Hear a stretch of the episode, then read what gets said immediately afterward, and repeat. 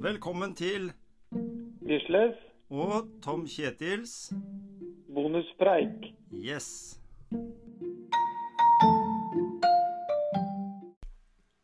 Da står vi her igjen, vi, Gisle, med kaffekoppen i handa. Ja, det smakte med kaffe. Ja, Jeg vet ikke hvor den kommer fra, men det har ikke noe betydning, for vi er ikke sponsa. nei, Ali kaffe kurerer gruff. Areal i kaffe, Det ja. var det til og med. Ja, Ja da. ja. ja. Vi eh, har jo en episode som skal ut på fredag. Da var du, eh, da var du i treningsleir. Så det blei jeg som måtte ta intervju med Maja Foss Five. ja. Jeg var vel ikke akkurat i treningsleir. Eller kanskje jeg var treningslei. Ja, ikke sant? Jeg var i hvert fall i kjelleren. Ja. Men nå har jeg, nå har jeg lakka trappa, Mm. så nå Den var jo veldig, ble jo veldig slitt, da. Ja, ikke sant? Ikke ofte de turene ned i kjelleren. Uh. Ja. Nei da, nå er jeg pigg igjen. Mhm. Eh, Tilsynelatende pigg. Tilsynelatende pigg. Ja, ja. Vi eh, er jo litt opptatt av, og vi har sikkert masa om dette her og snakka mye om det, så lytterne våre blir, har vel ikke fått gnagesår i ørene akkurat, men kanskje, jeg vet ikke, litt det der med indre motivasjon. Mm. Vi prata litt om det her i stad, Gisle, at eh, det er noe med Hva er det som er fokus hos oss mennesker, da? Hva er det som på en måte er drivkrafta til det vi gjør? Nå har vi jo vært igjennom en litt sånn spesiell vinter med pandemi og idrettsprestasjoner, så det holder liksom VM på ski blir NM på ski. ja. Eh, og vi har jo sinnssykt mange talenter som, som bare popper opp. Eh, og du nevnte jo det her med Marit Bjørgen. Du hadde hørt på en podkast. Ja, jeg hørte nå på den skipoden med Pølsa Pettersen og, Mm, og Hanso. ja. Og de hadde jo en prat med Marit Bjørgen. Mm, Og da stilte jo Pølsa et spørsmål om uh, hva, som, hva som gjør at hun har blitt så god, da. mm, Når det er så mange andre der ute som trener like mye og, og sånn. Så, mm. så snakka han om det der med indre motivasjon. Ja. Den måtte være til stede. da. mm, Og da tenker jeg indre motivasjon, det kan vi kanskje oversette med Det er mulig at noen har gjort det før, da, men eh, det å ha lyst til mm. Du må nødt til å ha lyst til noe. Ja. For jeg tenker Nå skal ikke jeg snakke så mye om meg sjøl, da, Litt. men, eh, men litt. Og det er at eh, nå har jeg, eh, som sagt, eh, hatt en litt sånn tyngre periode, sånn fysisk, da. Mm, Uh, på grunn av ting uh, som jeg ikke rår over. Som stadig slår inn. mm. Og da får ikke jeg gjort det jeg har lyst til, på en måte, da. Eh, men jeg gjør litt. Mm, Så jeg bare senker intensiteten min ned på det nivået som passer, da. mm. Fordi jeg har så lyst, og jeg vet at det, det kommer tider hvor jeg kan utøve mer enn det jeg får til nå, da. Mm. Og da tenker jeg at det er en sånn indre motivasjon for meg, da. Å Mm. komme tilbake til de der gode dagene, da. Mm.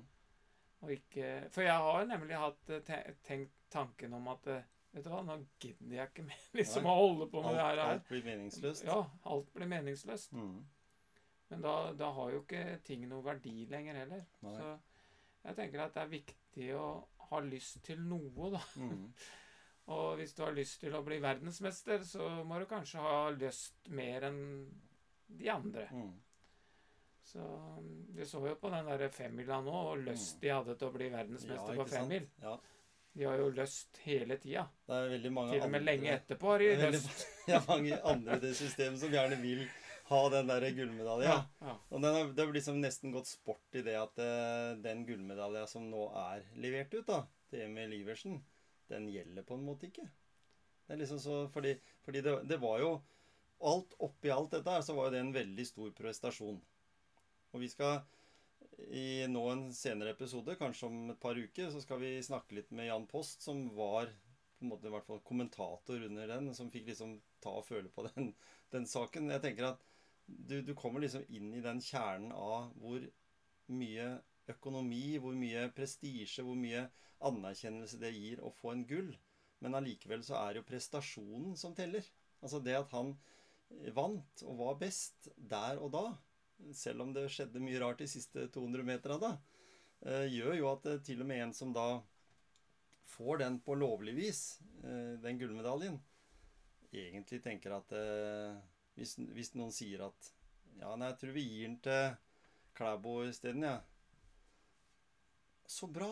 Yes! Det var han som skulle ha den, for det var jo han som vant. Ja, ja. Det er et dilemma, det der. Ja, Vi husker jo tilbake når Espen Bredesen ga bort medalja sitt eh, Har et sjekk hånd. mhm, For da hadde de funnet på noen regler at det var ikke lov å hoppe lenger enn sånn og sånn. Nei, ikke sant? Du vet, Bare det å lage de reglene, da har du jo lagd et problem. Ikke sant? Og det blei det jo. Det blei jo et problem. Ja. Det var ikke en utfordring engang. Nei, ikke sant? Så, så det har skjedd før i historien da, at, mange eh, at noen har gitt fra seg medalja. Mm. Nå sier ikke jeg at Emil Iversen skal gi fra seg den medalja til noen. Nei. Men på en måte så tenker jeg at det, det kan bli en sånn der greie framover. Liksom Jeg tror ikke de, folk glemmer eh, den episoden på den femmila, for å si det sånn. Men det, det er jo noen som hevda det at eh, langrenn var litt kjedelig, da. Mhm. Og da er det kanskje ikke så kjedelig lenger, da. Nei. Nei, det, Det skjedde jo en del ting. Ikke sant? Og det, men det er jo litt sånn i forhold til øh, Jeg tenker at idrettsfolk Johannes han har jo nå fokus på neste renn. Han er på en måte kanskje mer ferdig med den prosessen. Han vet hva han gjorde, han. Han vet hva han presterte. Han vet at han gikk sin livs beste femmil. En, en sprinter i utgangspunktet som går en femmil og vinner eh, det. Det er tross alt ja, 50 km. Det er langt å gå på ski. I dårlige føreforhold òg. Så, så jeg tenker at Men han må jo, som den profesjonelle utøveren han er, være på vei videre til neste prestasjon. Ja, altså, neste helg. Det er ja, liksom det som teller for han nå. så han har jo egentlig lagt det bak seg. Han, han syns det er helt Ja, ok, han syns det er litt bittert, og dette er jo noe han hadde trena for lenge, men han er jo ikke fritt for at han har noen andre gull i skuffen heller. Så, så sånn i utgangspunktet så setter du bare egentlig det løpet opp mot et annet løp, og så, og så må han ta en, ta en vurdering på det. det nå blei det sånn. Mm. Men det er, det, er, det er ikke lett å, å gå videre og legge bak seg en sånn tanke når du føler deg urettferdig behandla. For det må en jo Nei. føle seg. Mm. Og, og det gjelder jo livet generelt. Mm. Hvordan gå videre når du føler deg urettferdig behandla, Ja. og du ikke blir ferdig, ferdig med det du føler er urettferdig overfor deg. Mm. Og så er det jo sånn at det, som regel så gagner det ikke at ikke du slipper taket og går videre heller. Nei. Det er vanskelig, det der. der. Mm. Mhm. Det er- Og det, er jo, og det er jo en sånn ting som en opp, opplever kanskje Eller vi opplever vel alle en eller annen gang i livet, eller flere ganger i livet for noen. Ja, jeg tenker at det er opp gjennom hele livet. da. mm. Og det er kanskje det som er viktig i det med motivasjon. da. Mm. Det er å klare å motivere seg sjøl til å gå videre. Mhm. Men hvordan, hvordan man skal gjøre det, det Mm. skal ikke jeg være noe, noe som En som forteller andre hvordan. Det kan du kanskje lære av Det har vært moro å hørt med Johannes Høstvedt Klæbo, da. Ja. Hvordan han løste det, faktisk. Mm. Løste det å gå videre. Ja. Det kan vi spørre andre om òg, som, Ja, har som har løst sånne For Mm. jeg mener Det er sikkert mange der ute som er bitre mm. pga. urettferdig behandling. Kanskje ting som har opp, opplevd opp gjennom tida. da. Mm. De har bør ikke være med konkurranser Nei, nei. eh, eller idrett, men andre ting. Mm. Og det å legge det bak seg og gå videre, mm. det er jeg, det er ikke jeg noe ekspert i, og ikke er jeg god heller. Nei, men, det, men jeg, tenkte jeg ville ta den tråden litt videre. For når vi snakker om idrett, da, eller sånn alt generelt, jobb eh, Hvis en sier at det, en profesjonalitet, da eh, Noen trener til å bli gode i idrett. Noen trener jo også i en jobbsammenheng for å bli gode i den jobben de gjør. Eh, så snakkes det veldig mye om Nei, jeg måtte nullstille.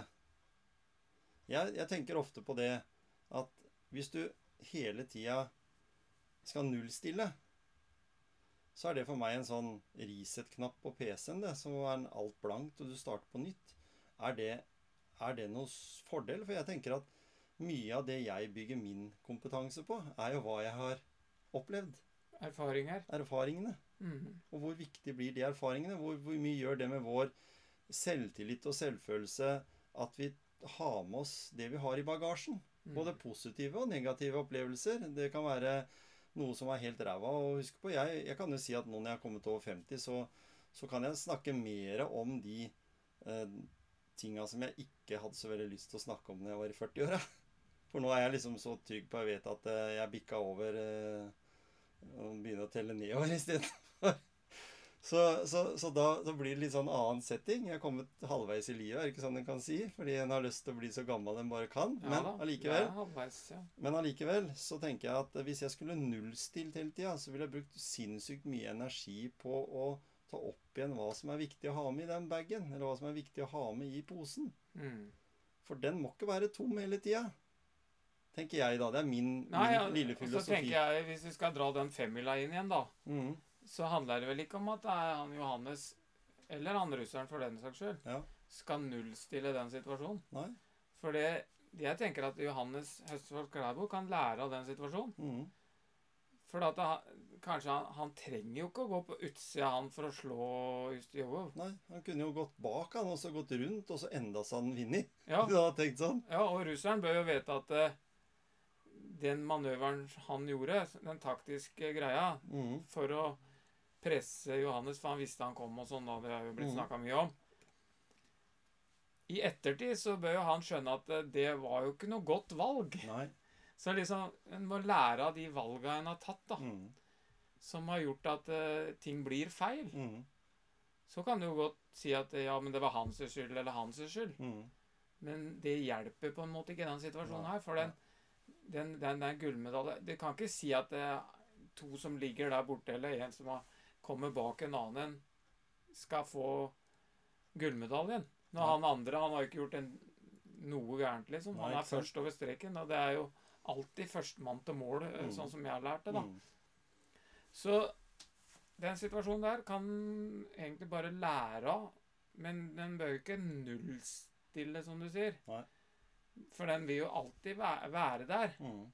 Men det er det å ikke la den ødelegge for deg videre, men Mm. eh, faktisk eh, gjøre at du gjør det bedre Og neste så gjør gang. noen da. andre valg. Noen andre valg, ja. Og, no, og, noen de, og noen av de som har jo da sammenligna det med den gangen Oddvar Brå brakk staven. Sammenligna det med den situasjonen. Ja. Men den var jo en helt annen, for den var jo dødt løp over streken. Ja, så hadde det vært sånn at russeren og Klæbo var dødt løp over streken. Det var ikke mulig å skille de. Nei. Og sånn. Så fikk de hver sin gullmedalje, da. Så var det alt fryd og gammen og ikke noen ting. Og han hadde reist kanskje til Russland og feira bryllupet til Bolsjunov, hvem vet. Ja, ja, Men, ja, men uansett, liksom, da hadde det blitt en annen setting. Det var, det var liksom en annen nerve i akkurat den der når Oddvar Brå brakk staven, enn når Bolsjunov brakk staven her nå. Fordi det var på en måte Johannes han var jo overlegen uansett. Han kunne jo Jeg så jo det, og la merke til det, at han er jo en, sikkert en veldig ærlig og redelig fyr som ikke driver mye, mye Johannes med, med mye rart. Så jeg så til og med at han stilte seg opp sånn, han. ja, ja. For å unngå i den situasjonen. Han prøvde jo Han så jo at dette her Nå ser dette ut som det blir litt trangt, fordi Bolsjunov la ut et par skøytetak, og i tillegg ut i den traseen for å liksom eh, komme svingen rundt, da. Mm. Og da trakk jo han seg, og han eh, lot jo være å stake to tak, Johannes. Mm. Og så, men så kom han da likevel borti handen hans, og så slo den staven mellom beina og knakk. ikke sant? Det var en sånn situasjon. Mm. Så, så, så Johannes er nok litt forbanna òg, fordi han ja, Faen, jeg gjorde jo bare så godt jeg kunne, jeg, for det, men det var jo så trangt der. ja. Og det samme ser vi jo med Når marginene er så små, sånn som med Ingebrigtsen og de, når de løper, at det, at, han, at det er strategier i løpet som gjør at vi vet at han Jakob er så rask. Så sånn med de polakkene, ikke sant, at han ble skubba litt ut og fikk det ene beinet utafor det feltet, og så ble det disk, eller i hvert fall sånn uregelmessigheter. Men det er jo fordi marginene har blitt mindre enn systemet. Mm. Så det vil si at eh, i fotball så er det innført VAR for å på en måte få en elektronisk bekreftelse på at de avgjørelsene blir tatt, blir tatt eh, riktig. Men Men hvor blir da den menneskelige aspektet hen? Hvor er det den liksom dommeren som egentlig bestemmer, som ikke bestemmer mer? tenker jeg. Og sånn er det litt i sånne sammenhenger også. Mm. Her kan de gjøre en vurdering, og så er de ferdig med det. Mens nå skal det jo da gå lange runder med, med rettens vei og sånn for å få, få kjempe om den, den gullmedalja. Hvor viktig den blir i, i den totalen om Norge har 14 eller 15 gull, eller om de har 150 VM-medaljer, eller om de har 2000 Altså, det spiller ikke noen rolle i det i, i hele systemet der. Det, det jeg er opptatt av, det er at det, at det er en rettferdig kamp, og at vi på en måte er Det er der situasjonen er. Mm. Plut plutselig nå, vet du, så kan det ende med at eh, begge blir diska. Ja. Og så kommer Holund Ja. og får medalje Ja, i det? VM Ja. der, i den femmila. ja. Så egentlig, da, så hvis en skal eh, spøke litt med det, da, mm. så burde jo alle de eh, fem som var med på slutten der, Mm. fått uh, gullmedalje. For de var jo så flinke alle, Alle sammen. var vet veldig flinke. Ja da. så liksom Ja. Altså, jeg, som jeg så til en nabo, det fins verre ting i verden, men det gjør jo for så vidt ikke det. For ja. hvis vi skal tenke sånn hele tida, da er det jo liksom ikke nødvendig å drive og konkurrere heller. Så det er liksom Det er liksom hvis du skal konkurrere om noe, da liksom Jeg er Mm. ikke sånn som jeg, jeg, jeg er ikke så opptatt av om jeg vinner i yatzy eller ikke, da, men eh, Er det ikke? men, nei, jeg er ikke det. Det er, det er kanskje litt feil. det, For at det, hvis ikke en er opptatt av å vinne i yatzy, så er det vel faen ikke nødvendig å Nei, spille, yatzy? da. Nei. Hæ? Eller? Eller er det bare hygge og kos det er det vi vil ha? Vi må nok ha litt, Vi må vi ha litt ha litt hygge, hygge og kos, men vi må også konkurrere. Ja. Må vinne i ludo, og det er viktig. ja. Så neste gang, Ranveig, da Da lar jeg deg ikke vinne. Da går det, da går det på yatzy. Ja, ja. Men jeg vil gjerne spense litt inn nå i denne bonuspreiken til eh, fredagens episode. ja. Jeg nevnte det. Vi har snakka med Maja Foss Five. Hun er leder i og har med folkehelsa i eh, Vestfold og Telemark fylke. Eh, Du og jeg vi har jo jobba mye vi, Gisle, om eh, det å motivere både politikere og andre til å sette i gang med tufteparker og bedre sykkelmulighetene og sånt noe. Det er ting jeg fikk snakka med Maja litt om. Dette her med hvor inn Eller hvor lite aktive vi er. Vi eh, telemarkinger, eller Vestfold og telemarkinger, eller nord nordmenn generelt. Vi tror vi er så aktive, men eh, det er jo faktisk gjort undersøkelser om at 75% av nordmenn er inaktive. Hvordan reglene, eller hvordan målingene er gjort der, det, det kommer vi også til å snakke litt om også i det intervjuet. Og så har vi litt fokus på ja, litt sånn ønsker jeg har, da. Jeg blir jo sjelden provosert av ting, men jeg blir litt provosert av at veiene er så dårlig tilrettelagt for sykkel, da. Synes jeg, det er jo så gøy å sykle, Mm. og det er jo det de ønsker. Og det ønsker jo også Bypakke Grenland, og det som Maja også prater en del om, det er fokusområdet i eh, Vestfold og Telemark. Det er å bygge ut Vi kommer til å snakke litt om eh, gamle togbaner, altså si veistrekninger som der toget har gått.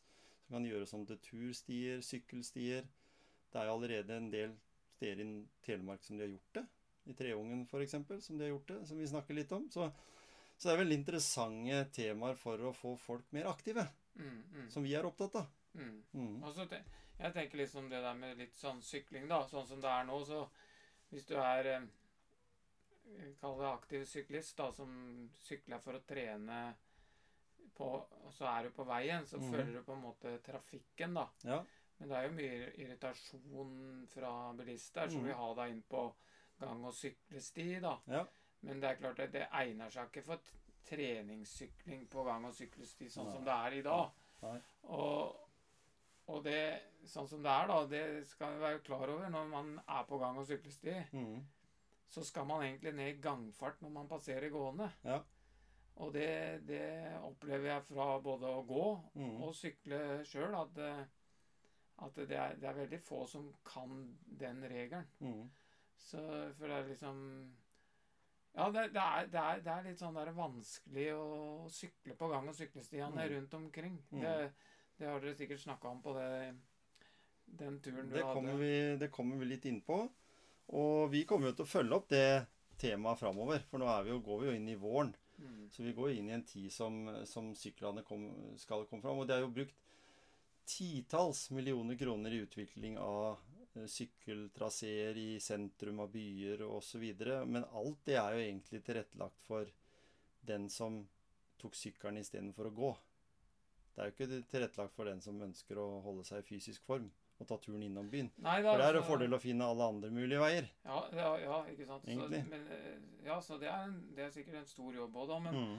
men det der hvis du sykler på sånn gang- og syklestier, da, så kommer du til et punkt, og så Å, fader, her stoppa det, gitt. Mm. Hvor må jeg nå for å komme meg videre? Ja.